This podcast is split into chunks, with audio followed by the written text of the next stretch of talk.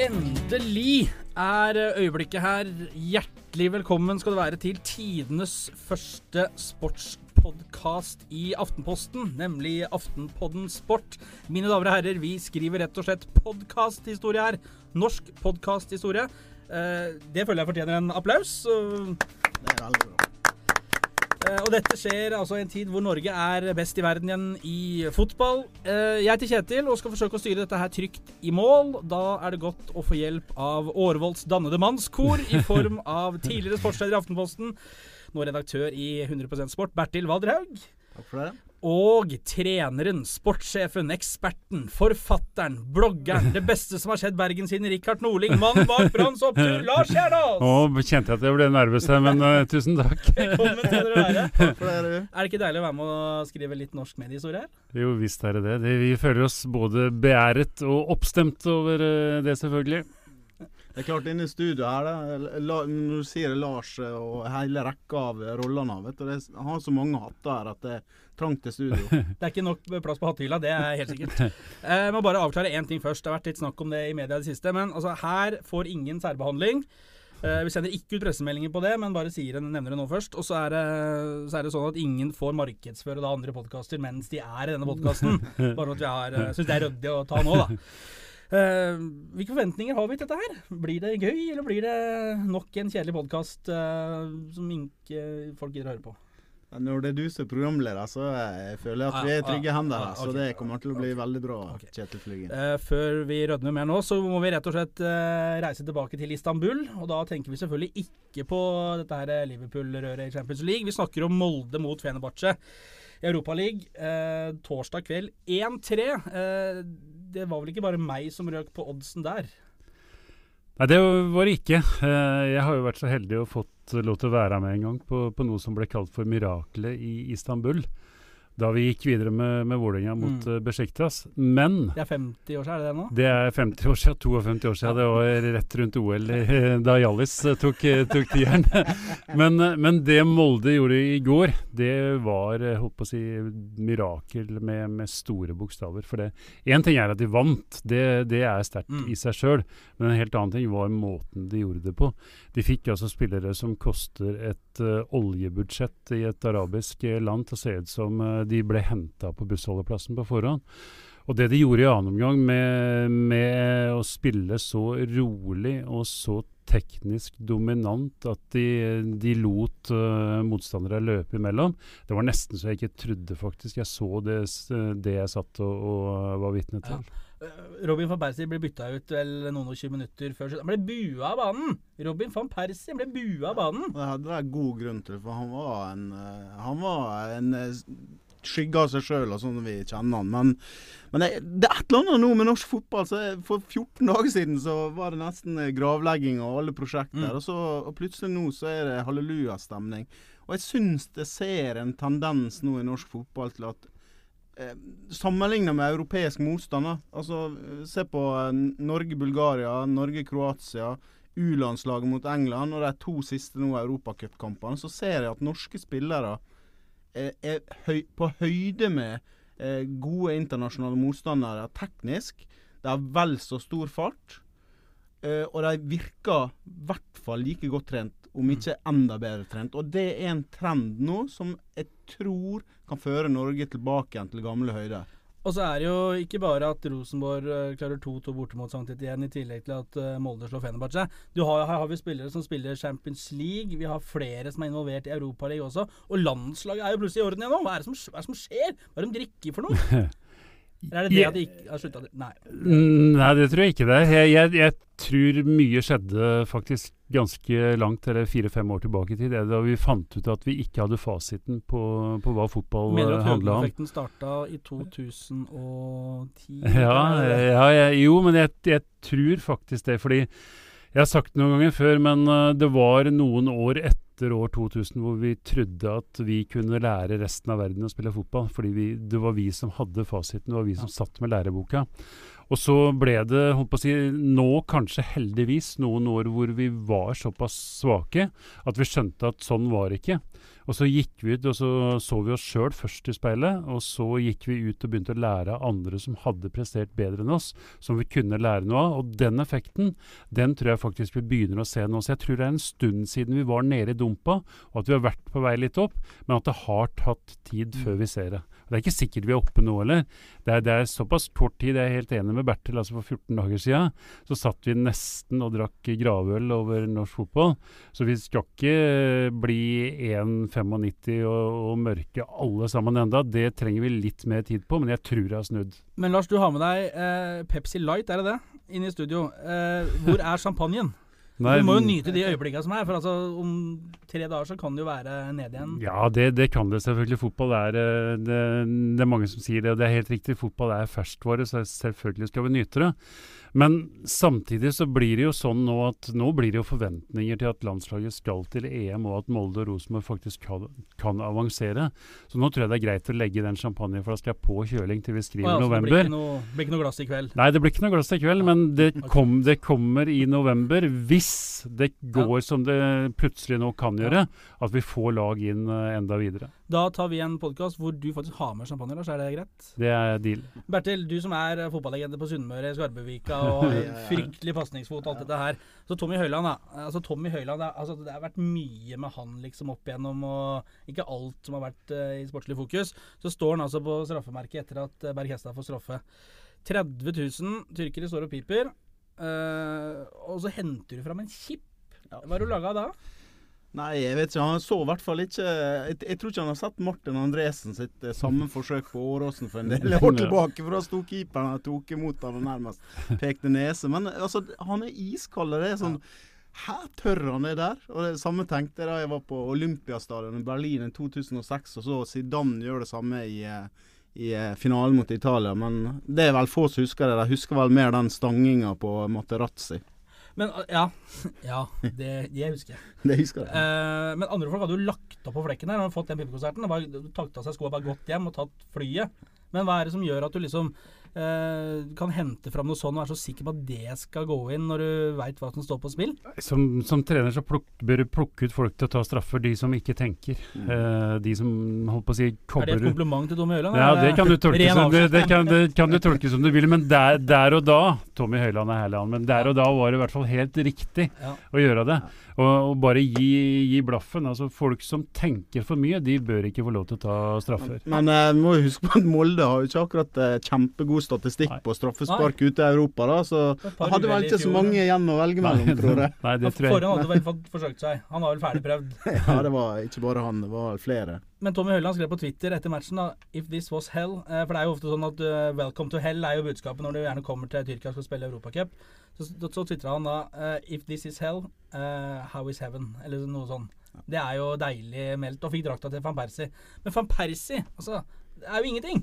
Ja, men du som United-fan som sitter og ergrer over det. Vi andre vi har et... Jeg er, er objektiv journalist. vi andre, og vi, Lars og jeg så med uh, henholdsvis uh, Queens Park Rangers og Tottenham. Vi, vi, er vi, er ganske vant til at folk ikke presterer, så du skal ikke ergre deg for mye, Kjetil. Jeg er fra Hamar og Holme HamKam, Lars, så altså, jeg, dette, den vil jeg ikke ha. Nei, men, men, men, det, men, det, var litt sånn Vi snakka så vidt om det i stad, at uh, noe av det beste med sir Alex i den tida han var, uh, var manager, mm. var at han skjønte når han skulle selge spillere. Mm. Han sa alltid 'his legs are gone', og så var du ferdig i Manchester United. Han tok feil én gang, og det var med Japstad, men ellers så mm. hadde han rett stort sett hver eneste gang. Og Den følelsen fikk jeg i går med van Persie, at han ble solgt på helt riktig tidspunkt mm. fordi 'his legs are uh, gone'. Mm. Han er jo bedre enn det han var i går, men jeg mm. står allikevel ved at det var et helt korrekt salg. Eyolfsson, da, som fiser inn i ryggen på uh, samtidig Etienne-spilleren, lager straffe da mot når de liksom har muligheten til å vinne dem. Og det er jo så fryktelig klønete og unødvendig ut. Ja. Men det er nok så heter 'learning by mistaking'. Nå, uh, nå kommer en ny epoke med Rosenborg ute av Europa. Neste gang så er han litt roligere, litt eh, mindre hissig på grøten i en sånn situasjon. Det, eh, det var kjipt at jeg fikk den imot. Ja, det er jo sånn forskjell på seier og, og uavgjort, selv om uavgjort er veldig bra og det poenget er viktig. Men det er jo stor forskjell, da. Ja da. Så leste jo jeg på Twitter i går at det var en, en som heter Lars Kjerna som meldte at nå blir det en storkamp i Europa nå til helga mellom Molde og uh, Rosenborg. Ja, det er er toppkamp i Europa, faktisk. For det, vi har snakka mye om Molde, det er jo helt riktig. Men Rosenborg og altså Sankt, Sankt Etienne er jo Én ting er hva de var eh, den tida Platini spilte, hvor de Mm. vant, eh, de vant ligaen ti ganger i løpet av en 30-årsperiode i Frankrike. Og var jo i europacupfinalen og, og var et storlag. Og det er Mm. fortsatt et knallgodt lag. De er nummer fire i en god liga. Så Rosenborgs prestasjon også var helt fenomenal. Og noe av det deiligste i går, syns jeg, det, det var jo offside, den 2-1-skåringa til, til Rosenborg, Mm. når du ser den om igjen. Og jeg satt og tenkte kanskje vi nå er i ferd med å bli en sånn fotballnasjon som får de marginene med oss plutselig. Ja, det er De vi har sittet og ergra oss over at vi alltid får mot oss fordi Ja. vi er så små, fordi trenerne ikke står i dress med slips på sidelinja Mm. og så alle de dumme tinga. Kanskje vi nå endelig igjen skal få de tingene med oss. Ja. Også litt fordi vi, vi vinner respekt fra andre i Europa. Det hadde vært helt nydelig. For det er ikke sånn at uh, folk retter seg ikke opp når Erling Moe og Kåre Ingebrigtsen med all respekt, gode fotballtrenere, men folk retter seg ikke opp i ryggen ute i Europa når vi kommer med det, liksom. I treningsdress og grilldress. Det er lite staffasje, men uh, mye Bra innhold. Og, og det er, til sjuende og sist er det heldigvis det som teller. Uh, uh, Champions League også starta jo denne uka her.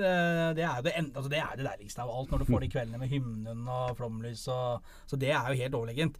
Og var noen, altså, det var noen fryktelige skåringer. Folk skåra fra 100 meter. Han, eh, Alessandro Florenzi eh, fra midtbanen eh, for Roma mot Barcelona.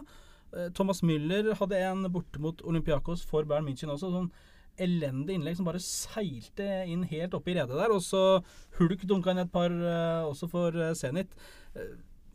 Det er, det er jo ålreit at det er tilbake, vel? Det har noe å gjøre tirsdag og onsdag. Ja, det får ikke hjelpe det. Eller Hva skulle du gjort ellers? Måtte du prata med, med de som sitter hjemme sammen i stua? Det det hadde vært eh, fryktelig tanke. Store problemet med disse kveldene der, det er jo at eh, jeg blir en av hovedsponsorene til Norsk Tipping. Fordi, for det er altfor mye å spille på, altfor mye å dummes ut på. Så det er skuddet i eh, kampen mellom eh, med Barcelona der, det langskuddet, det ødela jo en festkveld for meg. Men jeg, og jeg, av mange. Ja, men jeg, jeg skjønner, altså for å være litt alvorlig, jeg skjønner fortsatt ikke hvorfor de ikke utnytter produktet sitt enda bedre. At alle kampene går eh, kvart på ni, det skjønner jeg faktisk ikke som supporter. Er i. Hvorfor kan de ikke gjøre som Europaligaen, at de kjører halvparten av kampene klokka sju og resten av kampene klokka fem over ni? Så hadde vi fått dobbel glede hjemme på de tis Ja, og så har det blitt dobbelt så mange, Ja. dobbelt så mange skilsmisser, men det får vi bare ja, det blir jo uansett. Da følger det. Det blir slutt uansett, det Hvis du. Sepp Blatter hadde fått blitt ved roret, er helt sikker på at dette her hadde ordna seg. Hvis han kunne styra litt med dette her, trekke noen tråder Hans gode venn eh, Platinida, de hadde sikkert kommet til en enighet om det, tror du ikke det? Han som tar over, han, han hopper ikke etter uh, Wirkola, men han hopper etter Eddie the Eagle. Så En annen ting som eh, opptar de aller fleste, eller opptok de aller fleste etter Champions League, var jo denne fryktelige skaden til Luke Shaw på Manchester United. Eh, blir takla og får uh, brekker begge leggebeina i høyrefoten. Fryktelige bilder fra, fra Eindhoven her. Hva tenker dere rundt den? Jeg tenker selvfølgelig at det er fryktelig når sånt uh, skjer, men jeg, Men, men jeg og i ferd med å bli veldig god. Altså, Senest mot, mot Liverpool så, så var han kjempegod, syns jeg. I ferd med å bli den som de trodde de skulle kjøpe da de henta han. Så Sånn sett så er det kjempetrist. Men jeg har, eh, jeg har sett verre taklinger, altså med all forbehold. Så, Ja. så jeg, jeg, jeg så ikke noe intensjon om, Nei, å, om, å, være, om å være stygg. Ja. Det var uh, mer uh, sammenfall av masse uheldige omstendigheter, men det gjør ikke det, det noe bedre på spillet. Men det er jo når du ser beinet bare henger og slenger, og liksom, det er jo ikke noe koselig. Nei, det er ikke noe koselig. Jeg så på et helt annet nivå på et fjerdedivisjonskamp med Årvoll akkurat det samme i, i forrige uke, på veldig nært hold. Og det er ikke noe du ønsker å ta med deg i senga når du legger deg om kvelden. Så har vi muligens bedre forsikringsordninger, kanskje. Det får vi håpe. Jeg tror ikke han tenker så mye på det, men jeg, jeg bare snur meg vekk. Jeg klarer ikke å se sånne bilder. Jeg husker så godt uh, Henke Larsson hadde en, et stygt brudd eh, da han spilte vel i Celtic den Ja. gangen. Han skåra mange mål etterpå, uh, etterpå det, så tror nok han Luke Shaw kan komme tilbake. Men han har vel litt dårlig rykte på seg, for han han har vært litt, litt for glad i, uh, i mat og litt for lite glad i å trene Mm. tidligere. Men han har gjort jobben i Say hello to a new era of mental health care. Cerebral is here to help you achieve your mental wellness goals with professional therapy and medication management support. 100% online. You'll experience the all new Cerebral Way, an innovative approach to mental wellness designed around you. You'll get a personalized treatment plan from a therapist, prescriber, or both in a safe and judgment free space. Your cerebral therapist or prescriber will outline a customized plan with clear milestones along the way so you can get to feeling your best. With Cerebral, you're not alone in your mental health journey. We're here to empower you to live a fulfilling life. So take that first step towards a brighter future and sign up today at cerebral.com slash podcast and use code ACAST to get 15% off your first month. Offer only valid on monthly plans. Other exclusions may apply. Offer ends July 31st, 2024. See site for details. Life is made up of many gorgeous moments. Cherish them all, big and small, with Blue Nile. Whether it's for yourself or a loved one, Blue Nile's unrivaled selection of expertly crafted fine jewelry and statement pieces help make all your moments sparkle. Blue Nile's experts are on hand to guide you, and their diamond guarantee ensures you get the highest quality at the best price. Celebrate a life well lived in the most radiant way and save up to 30% at BlueNile.com. That's BlueNile.com.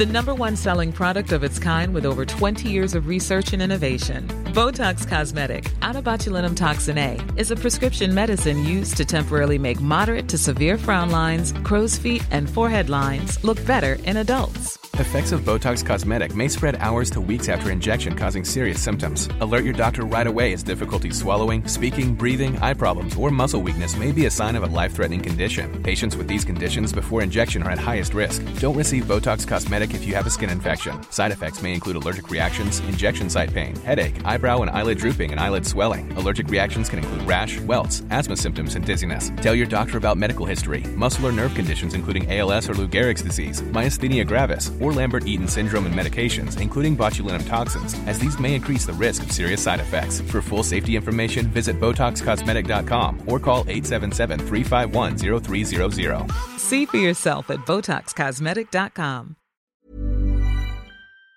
Gamle, da, som Jobben var liksom i som- orden ja. og Ja, så han får jo en utfordring nå når han eh, ikke skal trene så mye på en stund. Så Mm. det blir spennende å se akkurat med den typen, men eh, kjempetrist, altså. Vi må fra gress og flomlys og hymner til skisporet. For er det noe nordmenn er glad i selv i sommerhalvåret, så er det jo langrenn. Det er jo en eller annen merkelig greie der. Folk, folk får altså ikke nok av blåsviks og glisterføre. Og åpenbart ikke nok av Petter Northug. Men det har Skiforbundet fått. Skiforbundet har fått nok av Petter Northug. Vil ikke ha han med lenger. Glem det. Få det vekk. Han skal ikke være med. det, vel, det var en veldig tabloid variant av det. Men, men det, det, det som er i hvert fall helt sikkert, det er at det, uansett eh, når det gjelder Petter Northug, så klarer ikke du å forholde deg likegyldig til han. Enten så er du irritert på han, eller så elsker du han. Det er ingenting imellom. Jeg tror Vi har jo hatt en sånn undersøkelse på nettet. Er over 50 000 som har stemt. Og det var vel eh, 30 000 som mente at de ikke gadd å se på langrenn nå, nå som Petter Northug ikke skal gå. Lars Kjernås, fotballmannen og Ja, jeg kan ikke ta hele den rekka, for da blir går mye Lillomarka på ski, altså. Ja, er det altså, Hva syns, hva syns du? Skal Skiforbundet bare gi Northug carte blanche på alt og bare få signert det uansett, eller er det greit å sette skapet på plass nå? Nei, altså jeg er blodfan av langrenn, for det første. Jeg er blodfan av Petter Northug. Jeg elsker Petter Northug, så jeg, sånn sett så er jeg faktisk ikke helt uh, objektiv. Men bare, bare for å ta det først. Altså jeg, jeg, jeg ser jo at, uh, at det må settes en grense et eller annet sted. Men det som uh, frustrerer meg litt, det er at noen greier å framstille det regnskapet mellom han og Skiforbundet kun som minus for Skiforbundet. Og det er, Er det? Altså jeg, er, jeg er ikke økonom, jeg har ikke noe doktorgrad i verken markedsføring eller økonomi. Men at ikke Petter Northug skal ha generert enorme inntekter indirekte til Skiforbundet, også i den perioden hvor han har stått utafor, det greier jeg ikke å se annet. Selvfølgelig har han det. Og ved siden av det så er jo det sportslige. altså siden 2007 så har det landslaget som kaller seg for verdens beste landslag, altså distanselangrenn for herrer, hvor mange, har, hvor mange på det laget har tatt gull i mesterskap? Én, og det er Petter Northug. Og da snakker vi siden 2007. Og da er det klart at da gir du litt slakk selv om du, du skal ikke se bort fra prinsipper, her sånn, så gir du litt slakk til en som har prestert så spesielt og betyr så mye også for deg. Han har, han redda jobben til, til flere i Skiforbundet. Kan ikke fortelle meg at de hadde greid å opprettholde den satsinga de har i den perioden, uten hans resultater i mesterskap?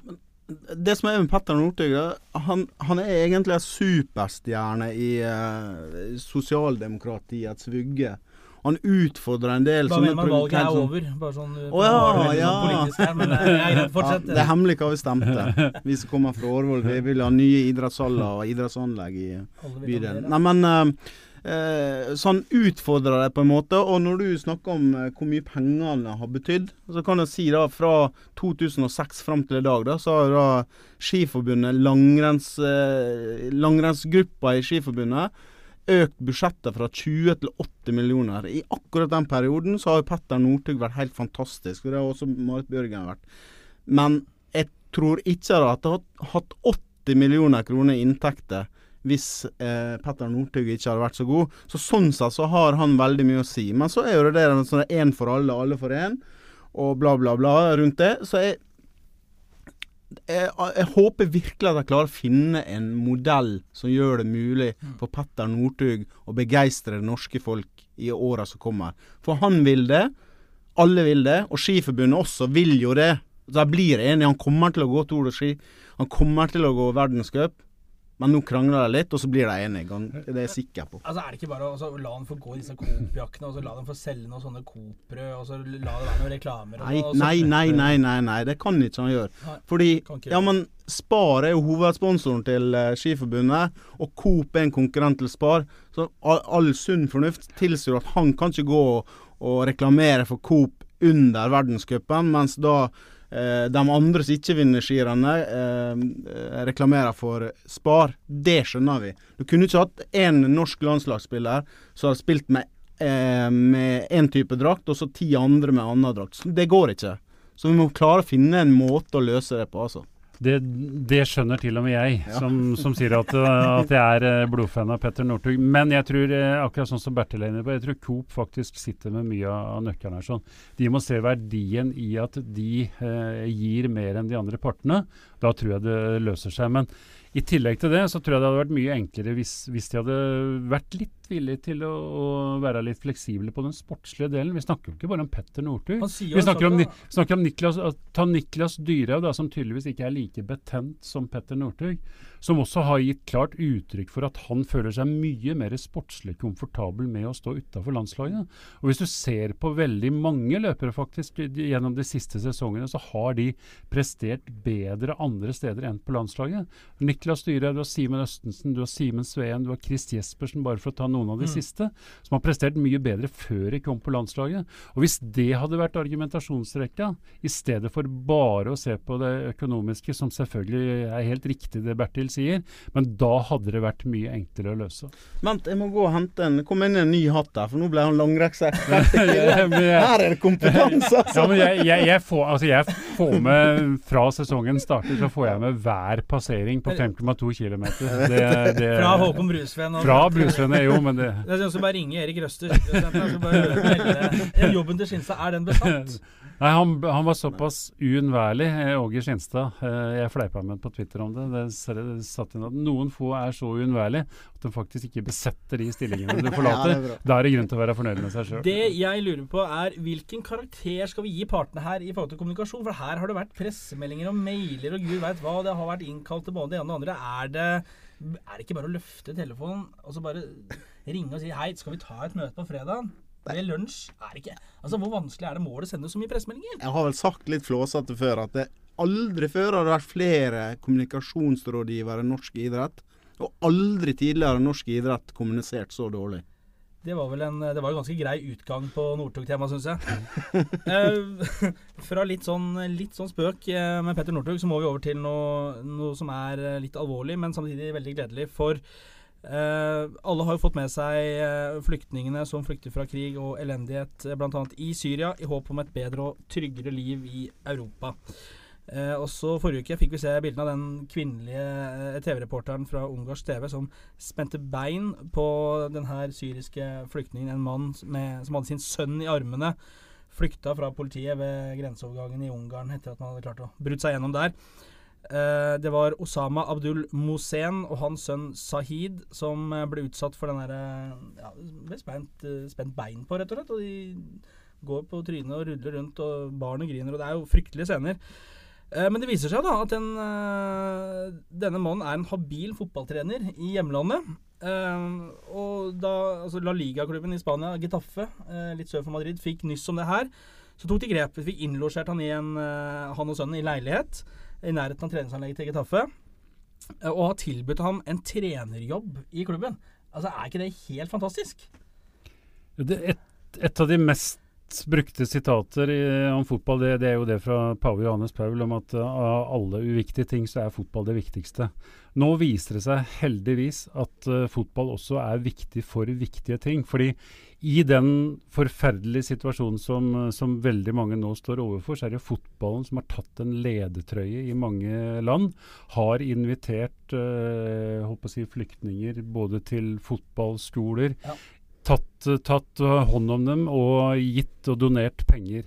Det er en rik altså Fotballen er jo en, en søkkrik industri som heldigvis veldig mange steder nå har vist det som bør være sitt sanne jeg, et engasjement for mennesker som har det fryktelig vondt. Og Det er, uh, det er befriende deilig å se, syns jeg, at akkurat det skjer. Ja, Samtidig så eh, jeg, jeg husker jeg leste en bok som heter 'Fotball forklarer verden'. En ganske bra bok der, der man ser av alle ting eh, her i verden, så er kanskje fotballen det som er best på globalisering. Der man uh, forener krefter og handshake for peace og, og sånne type ting.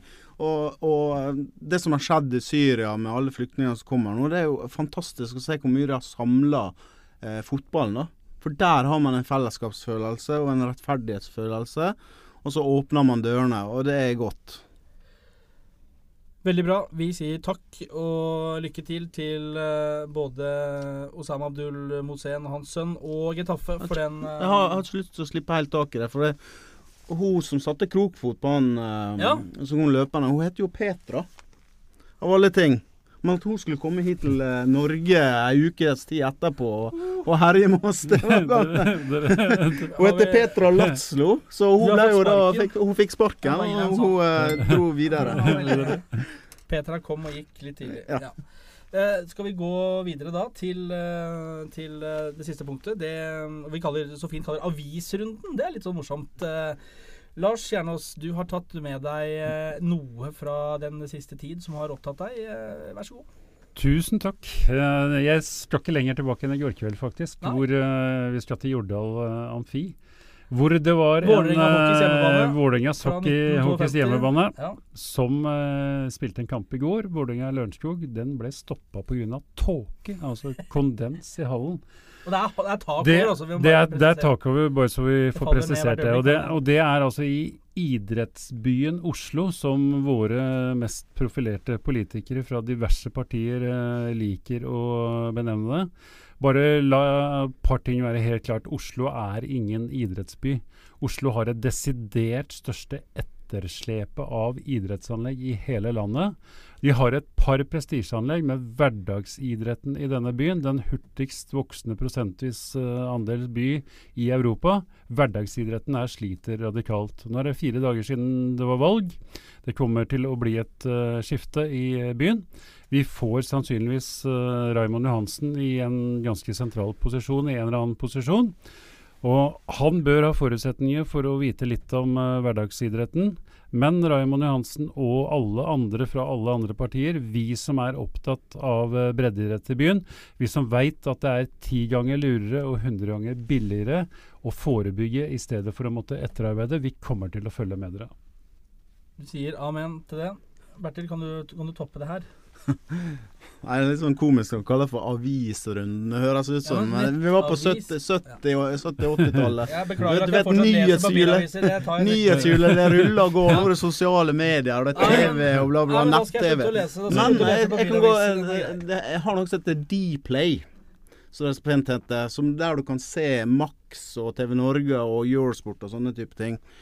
Og der, da, i, på Champions League-kvelden, så var det da maks andre episode av Jon Arne Riise venstrebeint. Jeg fikk, Ja. fikk ikke sjansen til å kunne se det direkte, men da gikk jeg inn på Dplay, og så så jeg den eh, i opptak, som det så pent heter. Og dere er liksom fra samme område også, dere? Så Ja dere er vi, sånn ja, og, og, like og, og, og, når, jeg, når jeg så den veldig bra dokumentar, forresten. Veldig, veldig bra. Ja, det er det. det er veldig si tett det, på eh, og i, under huda på Jon Arne Riise. Og de tok jo opp det der med den eh, statua i Ålesund som, eh, som troner så fint foran Color Line stadion. Ja, det, er ikke det Arisa? Jo, det er jo og så står det 'fotballspilleren' eller et eller annet sånt som er helt idiotisk, egentlig. Men så kommer jo kanskje Jon Arne Riise tilbake til Ålesund nå, da, hvis de klarer å rydde opp i det eh, eh, greiene med Batson og Norsk Tipping og alt det der. Og det hadde vært helt fantastisk hvis han kom tilbake dit. Men, Jon Arne Riise, slutt å språk. Du er jo blitt en større knoter enn eh, Frode Grodås. Du, det heter ikke meg og jeg og sånt når du kommer fra Ålesund, det heter e og Ja. e. Ja. Enkelt og greit. Ja. Jeg skjønner at det, det må ha vært fryktelig å oppleve det at han sier jeg, ja. Ja. Men eh, det er alt Jon Arne Riise har fått til som fotballspiller. Salut. Altså, det, her kan vi ta bølgen, for det er utrolig karriere. Vi tar bølgen for Riise. Ja. Eh, ja. Men er, altså, han må tilbake rett og slett til uh, Ja, komme tilbake til Ålesund, si E, så havner navnet hans på den statua. Så får han en som han vil. Så det er eh, OK, Ålesund. Det var oppfordringen fra Bertil Vadraug. Jon Arne Riise får navnet sitt på statuen idet han begynner å si E. Ja, og begynner å hamre inn mål for Ålesund i, eh, i uh, Tippeligaen. I Eh, Tippeligaen, Batson-ambassadøren hamra inn mål i Tippeligaen. Har vi lov å si det? Så ikke- vi egentlig si Eliteserien. Eliteserien i fotball for menn. Det har bare hett uh, Tippeligaen siden 91 eller 92 eller noe Ja. sånt. 92, tror jeg. 92, ja. Ja. Så jeg, det heter det, egentlig. Eh, det, det var det, tror jeg. Er vi fornøyd? Var det ålreit, eller var det terning, var terningkast? Ble varmt i studio, da, men eh, Ja, Trekker det ned, syns du, på produktet? Nei da, det, det var fint. Takk for at du hørte på Aftenpostens eh, nye sportspodkast. Vi høres igjen hvert øyeblikk.